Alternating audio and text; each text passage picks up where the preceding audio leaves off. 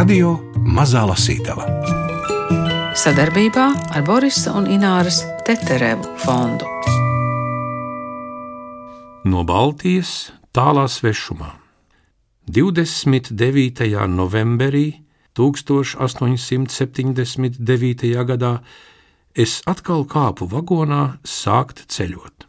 Mans prāts bija līksms, līdz putniņam, kas visu citu aizmirstams paceļas dziedādams padebešos. Es domāju, ka tik varētu visu, ko redzējušu, paturēt labā atmiņā un kā pienākas pavēstīt savai tēvijai. Tā raksta Minna Freimane. Mūsdienās mēs viņu sauktu par ceļojumu blogeri, bet 19. gadsimtā sievietei nemaz tik vienkārši nebija ceļot. To varēja atļauties vai nu ļoti bagātas un augstzimušas kundzes, vai arī kambarjumpravas un mājaskolotājs, kāda bija Minna Freimane. Ja viņa savus ceļojuma aprakstus tolaik nebūtu sūtījusi laikrakstiem un uzstājusies arī ar publiskiem priekšlasījumiem, par kuriem viņu, starp citu, dažreiz sabiedrība nosodīja, tad šodien diezin vai mēs varētu izsekot viņas ceļiem un iespaidiem. Tagad izdota grāmata par piemiņu Minas Freimanes ceļa apraksti.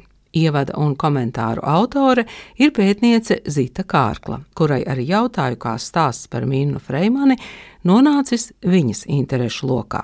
Bija pirms pāris gadiem es sāku strādāt kā redaktore datubāzē Literatūra LV Latvijas Universitātes Literatūras un Folkloras Mākslas institūtā. Viena no manām interesēm ir rakstnieces sievietes tieši. Un tad man bija arī tā iespēja ar šīm rakstniecēm sievietēm strādāt un kārtot viņu personu šķirkļus. Un Mina Frēmana ļoti ieinteresēja tieši ar saviem plašajiem ceļojumiem. Bet, protams, par viņu zināms bija ļoti maz, un šis šķirklis bija arī ļoti īsa biogrāfiskā informācija. Un patiesībā jāsaka, ka arī šodien ir skaidrs, ka tādu pilnīgu viņas biogrāfiju uzzināt mums nekad nebūs droši vien arī iespējams, un šīs ziņas ir ļoti skopas. Bet, veidojot ievadu šai grāmatai, arī ar kolēģu palīdzību, mēs atradām viņas īstos dzimšanas gadu, kas arī iepriekš folkloras pētniece Māra Vīksne bija interesējusies par Minu Freimanu un aptaujājot Cīravas pagastu novedpietniekus, bija šis dzimšanas gads arī tikai uzzināts. Un šķirstot tagad arī ar digitālajām iespējām, baznīcas grāmatas izrādās, ka viņa tomēr drusku vecāka ir bijusi ceļojot, un viņa ir dzimusi 1847. gadā. Ļoti iespējams, ka viņa ir gājusi skolā, Cīravas dzērbes skolā, jo tajā laikā meitenes tur arī tika uzņemts ar eh, ļoti konkrētu mērķi, ka šīs meitenes skolotās varētu tālāk mājaskolot savus bērnus. Un eh, bieži vien šīs jaunās sievietes, un arī Mina Frēmana, devās uz Krieviju un strādāja kā mājaskolotājs. Un Šādas um, darba vietas viņām bija diezgan viegli, laikam, iegūt tieši dēļ vācu valodas zināšanām. Un arī Mina Frēmana dodas uz Kaukāzu un strādā Krievu pulkveža ģimenē par mājskolotāju. Un tad viņai šī iespēja pavadīt sava darba devēja kundzi uz karavīru apmetni, kur viņa satiekas ar savu vīru. Un tieši šajā laikā, 1877. gada aprīlī, kad viņa uzturas karavīru apmetnē, tiek pasludināts karš.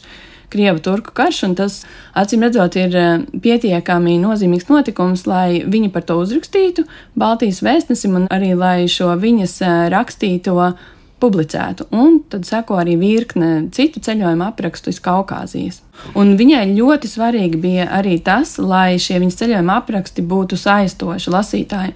Un viņi par to domāja, un eh, vēstulēs, kas ir saglabājušās Misiņu bibliotekā, viņi arī raksta Fricim brīvzemniekam un lūdz padomu viņa uzskata, ka viņš ir labs eh, tautu raksturu pazinējs, un tādēļ viņa viņam jautā, kā viņa varētu aprakstus veidot pēc iespējas saistošākus saviem lasītājiem arī.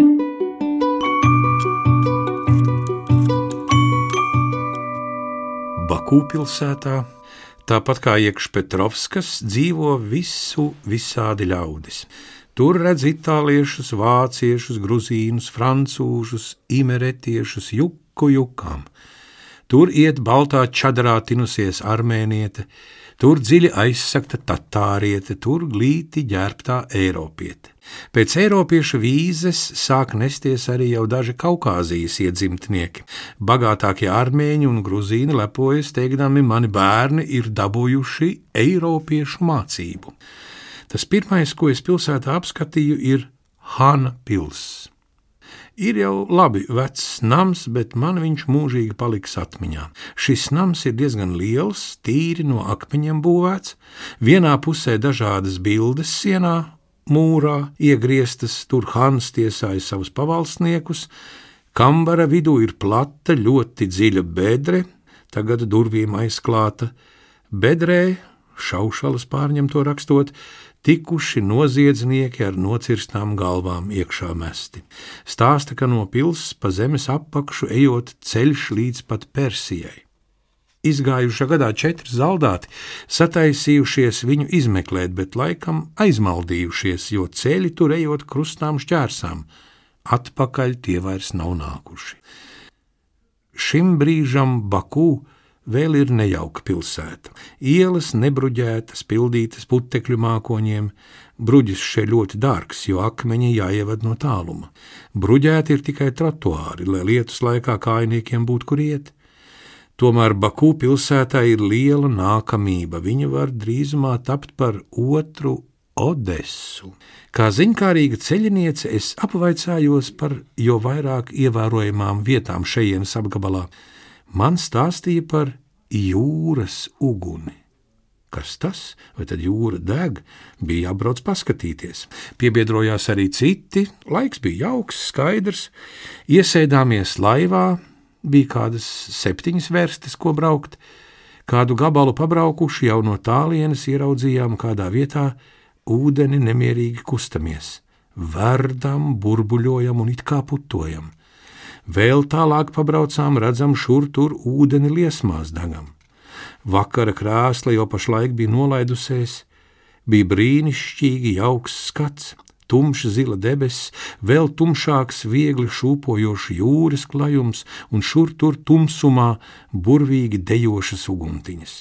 Pie tādas iluminācijas laivā līgojoties bijām sirds prieka gluži aizgrābti. Es vēlējos to uguni tuvāk apskatīt. Piebraucām it tuvu.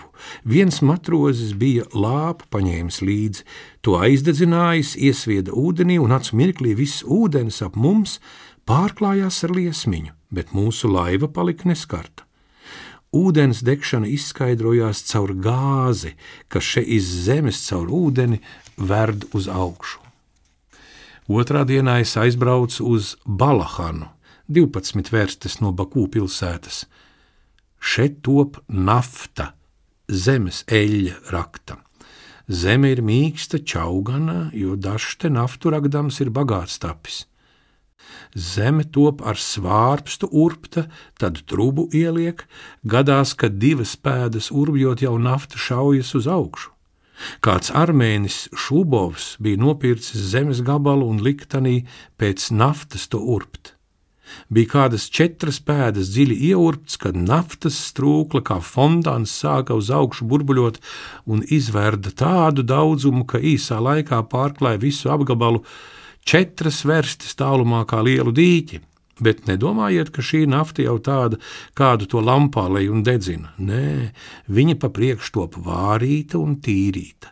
Priekš tam ir īpašas fabrikas ietaisītas. No Balahānas devos uz Surahānu, 17 vērstas no Baku pilsētas. Surahāna caur to ievērojama, ka šeit priekš vairākiem gadiem kādi indieši nometušies uz dzīvi. Viņi atnākuši iz tālās rīta Indijas, lai varētu mūžīgās uguns tuvumā būt. Tādās vietās, kur naftaina zeme, ja uguni pieliek, tā deg pastāvīgi. Kāda ticība šķīra nevarēdama tādu dabas parādīšanos izskaidrot, domā, ka tur kāds dievības spēks, kas to dara, un tādēļ šo mūžīgo uguni pielūdz. Gunārs Aboliņš, pieskaņojoties 19. gadsimta leksikai un teksta uzbūvē, kas nemaz nav tik vienkārši, lasa Minas Freimanes ceļojumu aprakstus. Tos komentē pētniece Zita Kārkla. Un visticamāk, viņa šo Eģipti devās eh, kā pavadona. Eh, Cīravas baronesei, jo ir zināms, ka viņi ir bijuši šīs baroneses kambarjumprava, tas ir tāda kā kalpone, mūžā istabene, un pavadījusi viņu Eiropas ceļojumos. Un baronese, kurai piederēja šī Cīravas mūža, viņa pārsvarā uzturējās savos īpašumos Nicā. 20. janvārī no Nicas aizceļoju uz Monako, kas arī tikai kādas sešas jūdzes no Nicas atstāv. Monako ir galvaspilsēta no Monako valstes.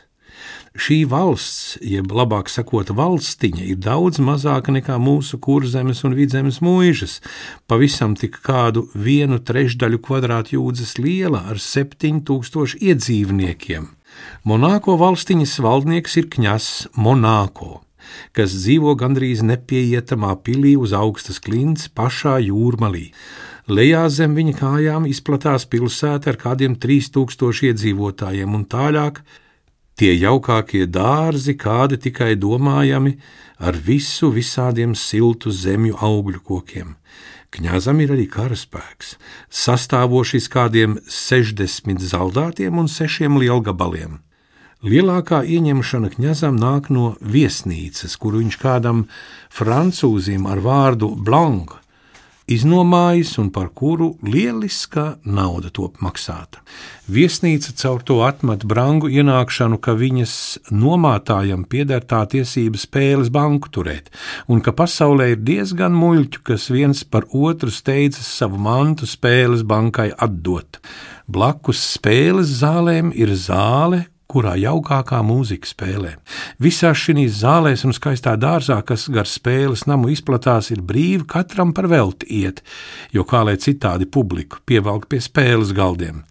Nereti redz ienākam kādu prastāku ģērbtu vīru, savu laimi meklējam, Liek 5 franki, vinnē 5 klāt, liek 10, vinnē 10 klāt, ko vairāk gaidīt, steidzās ar saviem 20 frankiem mājās, citiem par savu laimi stāstīdams. Nu, iet nu arī citi salasījušies vai uzņēmuši, cik spēdami, arī grib savu laimi mēģināt, liek viens, otrs, trešais, vienreiz pa 5 franki, otrais, viss paliek bankā iet noskumuši mājās, lādu par tādu elles ietaisi. Pavisam citādi izskatās otrā zālē, kur uz lielāku summu spēlē. Ir vērts paskatīties uz spēlētāju stīviem, dzelteniem ģīmiem ar sarkani uzpampušām acīm. Visi runā lēnā balsī, iet kā uz pirkstu galiem, uzmanīgi gaidīdami uz izsaucēju balsi. Atskan nelaimes numurs un paspēlētais zelts top bankās sarauts. Eģiptē viņa uzturs trīs mēnešus. Un uh, no Eģiptes ceļojuma aprakstiem viņa apraksta Kairu un uh, ceļojumu tuksnesī. Tad ir saprotams, ka viņa ir bijusi aizņemta tomēr šajos trīs mēnešos, darot arī citas lietas. Bet tur ir interesanti arī, ka Inna Freimane vismaz savos piedzīvojumu ceļojuma aprakstos arī tomēr vēlās tādu piedzīvojumu momentu ietvert. Un viņai ir svarīgi arī pozicionēties kā tādai ļoti drosmīgai sievietei, jo viņa ir iekļauj arī savu došanos tuksnesī, kur viņi dodas ar karavānu kopā, un kur viņi raksta arī par to, un tas viņai ir ļoti svarīgi, ka viņi jāj šīs karavānas pašā priekšgalā, viņa ir pirmā uz kamieļa, un aiz viņas seko citi. Ceļu biedri viņu sauc par Latviju ceļinieci. Un tad arī, kad visi apmetās vietā, kur viņi paliks pa nakti, Minfrēmena nevar nociesties, viņai ir jāiet šajā tuksnesī un jāiepazīstas ar tuksnesi tūlīt, viņa dodas viena pati. Un tur viņa satiek kojotu, kas liek, protams, viņai atgriezties atpakaļ pie pārējiem ceļotājiem. Bet uh, tam līdzīgi momenti arī piramīdās, eh, kur viņi kāpj augšā un vēlāk pavadoņu tiek laista lejā uz dvieļiem, tas arī ir ļoti svarīgi viņai. Un patiesībā tas um, saskan arī ar daudz citu 19. gadsimta sieviešu ceļojuma aprakstiem citās valstīs, kur sievietes tomēr uzskata, ka šādi drosmes un piedzīvojumi momenti uh, Eh, arī kā sievietē ir ļoti būtiski. Āraberu kāzas, tas jau nu būs Eģipte, jā. Kādu reizi Kairo uz ielas ieraudzīju lielu ļaužu baru ar mūziķi ejam. Steidzos piebiedroties. Bija kāzinieki. Mūzika, divas bungas, viena stabule un divi šķindekļi gāja pa priekšu. Tad karoks, uz kura bija redzams pusmēnesis ar zvaigznēm un rakstiem. Pēc karoga nāca pate brūte, ar šalli pārsakta no galvas līdz kājām, galvā kronis no sudraba pušķīšiem. Divi sievas aizsaktiem ģīmiem veda to pie rokām. Tā viss bars nonāca pie brūtgāna nama un apstājās iznāca brūdgāns. Nagi un tāpat mati bārzda bija sarkani nokrāsoti. Viņš paņēma savu vēl neredzēto, izredzēto un ienesa uz rokām namā. Mēs palikām laukā stāvot. Pēc maza brīdiņa viņš atkal iznāca un pasludināja, ka paraksti beigti un viss kārtībā. Mulahs nesa šo viņa rokas rakstu apkārt un visiem rādīja. Tad brūdgāns tapa ratos sēdināts un ar mūziķi apkārt vadāts. Sievas patam sevišķās rūmēs iegāja. Es arī tapu ielūgta un biju lieciniece, ka eģiptieši savas kāzas svin.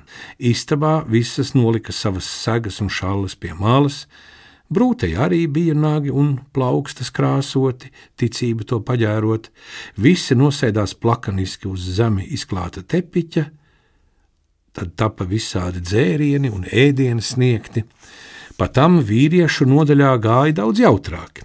Brūtgāns bija atpakaļ pārbraucis, sākās dancošana. Vīri smēķēdami, kafiju dzerdami, savstarpīgi spēlēja vai ziņgāja, pie sievām ieradās dancotāja. Še nedanco vispaši viesi kā Eiropā, bet dancošanas grūto darbu izdara kāda par naudu pieņemta dancotāja dancotājs mēdz ar vien skaistas, labi augušas sievietes būt. Tā dancotāja, kas šeit savu kāju veiklumu izrādīja, bija ģērbta platā, tumši zaļā atlasa zīda kleitā ar mazām krunciņām, josta bija nokārta šķindekļiem, ap kaklu karājās ķēde no sudraba un zelta naudām, pirkstos mirdzēja gradzeni. Viņa dancoja un arī pati vēl spēlēja. Skatītājām, kā bija redzams, darīja viņas māksla daudz prieka. Priekš tam tak viņa arī bija nomāta.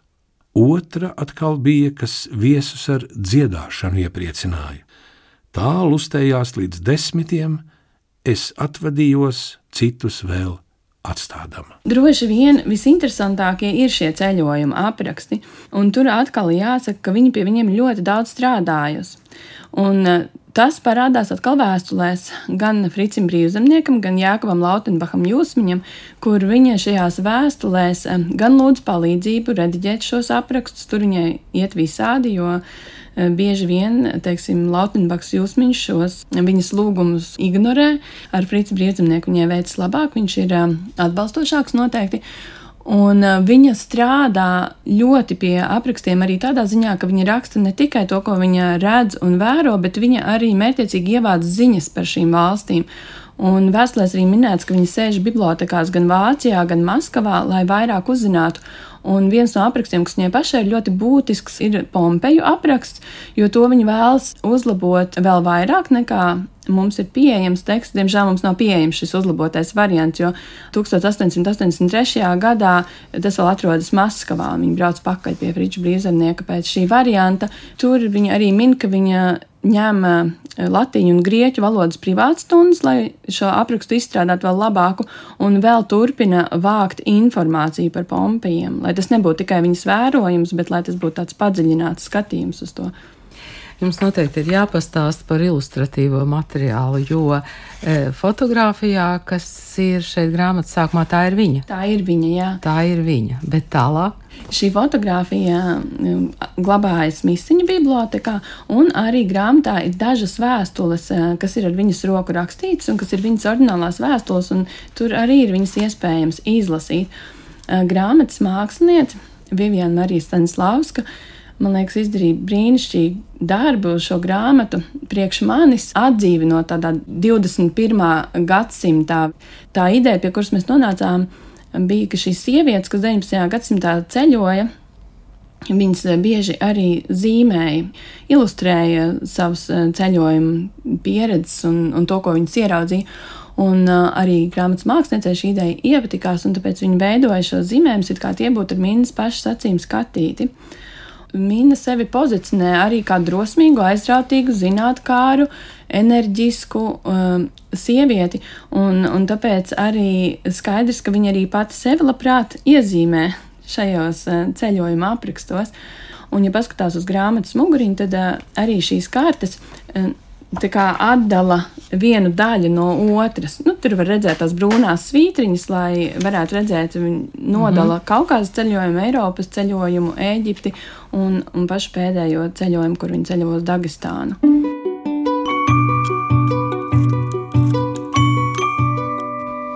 Tas ceļa gabals no Liepājas līdz Eidkuhniem uz Krievijas un Vācijas robežas nav nekāds ievērojams. Tas ir tik daudz, ka viņu nevar neslavēt, nenicināt. Daba savu seju bija apklājusi sniega biezā segā. Eida kuhņos tapa visas pauniņas attaisītas un izmeklētas, vai nav tēja, tabaka un citas preces līdz atvestas priekš vāciešu iepriecināšanas. Kad arī papīri bija izlūkoti vai ir kārtībā, tad tikām ielaisti lielā zālē, kur simtiem ļaudis jau cierāja, priecīgi tērzēdami. Tā nu es biju tai slavenā Vācijā. Trešā dienā bija Berlīnē. Veltīgas izdošanas dēļ taupīdama nodomāju šeit neilgāk kā divas dienas palikt, bet pie tam kāroja tik daudz, cik tik iespējams redzēt es iekortelējos vienā no vislielākajām viesnīcām ar vārdu Kaiserhof. Nams četru tāžu augsts, iedzeltenā krāsā, fasāde, nu, priekšpuse, figūrēm izgraznota. Priekšnamā ieejot krīt acīs vispirms krēsls, priekš uzbraukšanas caur griestiem augšējās tažās, priekš tādiem, kam grūti nākas pa trepēm kāpaļāt, Nams ir kvadrātā būvēts, gaisma nāk no augšas caur stikla jumtu. Apakšstāžā ir liela zāle, izgraznota visādām puķēm un bagātiem spieģeļiem, apgaismota pulka spožiem lukturiem un lampām. Šeit ļaudis iet un nāk kā biržā, kungi un dāmas priecājās, dzer dārgus dzērienus, ēd smeķīgus ēdienus, izbagātiem, apzeltītiem sudraba traukiem, visur spīd un mirdz, visur redz tik līksmību un prieku. Uz naudas lielumu netop skatīts. Es pavisam nebrīnos, ka daudzi visu savu bagātību notērē tādās zālēs, dienu no dienas līksmīgos draugu pulciņos savu laiku pavadīdami. Tas velk kā magnēts, un ne visiem ir tik daudz morāliska spēka tādu prieku vilināšanai atturēties. Par piemiņu Minnas Freimanes ceļa apraksti izdevis Latvijas Universitātes Literatūras, Folkloras un Mākslas institūts. Pētniece Zita Kārkla ir šīs grāmatas ievada un komentāru autore, un šodien bija mūsu sarunbiedre. Raidījumu veidoja Nora Mitspapa, Agita Bērziņa un Ingvilda Strautmane. Vēl tikai mazliet par Berlīni, tā laika acīm. Tad apmeklējusi vēl arsenālu, karalietu glabātavu, kāroju redzēt daudz slavēto akvāriju. Tas ir namu ar mākslīgiem ūdens dīķiem, kuros uzturas visādi reti dzīvnieki un augi. Šī akvārija ietaisīta no valdības caur būvmeistari Līru 1869. gadā. Tagadējās akvārijas pārvaldnieks ir doktoris Hermes, kas priekš jūras zvēriem dīķus pilda nevis ar dabīgu jūras ūdeni, bet ar ķīmiski pakaļtaisītu. Akvārijā var īsti apbrīnot dieva radības bagātību, kā gan tur nav. Tur acis priecājās ne tik par jo skaistiem radījumiem, bet arī ar riebumu un šaušalām nogriežas no neģēlīgiem eksemplāriem. It nepatīkamas bija uzskatot, tās dažādas čūsku un krokodilu slakas. Dīķa skaisti zilā ūdenī vēl redzēju jūras zirgus, siseņus, dažādas zivis, visu visādas jaukas puķes, jūras zvaigznes, posus un tā tālāk. Viss tas ņudz un mirguļo un spīguļo, bet jo jauki un burvīgi izskatās tas viss pie uguns apgaismošanas. Grūti man nācās no šiem skatiem šķirties.